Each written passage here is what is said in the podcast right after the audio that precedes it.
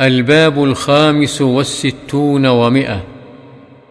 باب البكاء والخوف عند المرور بقبور الظالمين ومصارعهم وإظهار الافتقار إلى الله تعالى والتحذير من الغفلة عن ذلك.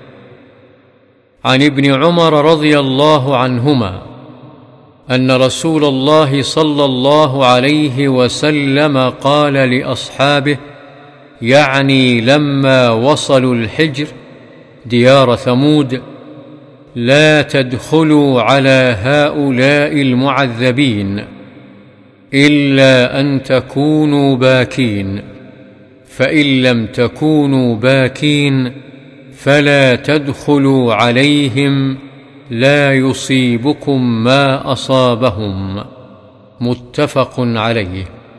وفي رواية قال لما مر رسول الله صلى الله عليه وسلم بالحجر قال لا تدخلوا مساكن الذين ظلموا أنفسهم ان يصيبكم ما أصابهم إلا أن تكونوا باكين.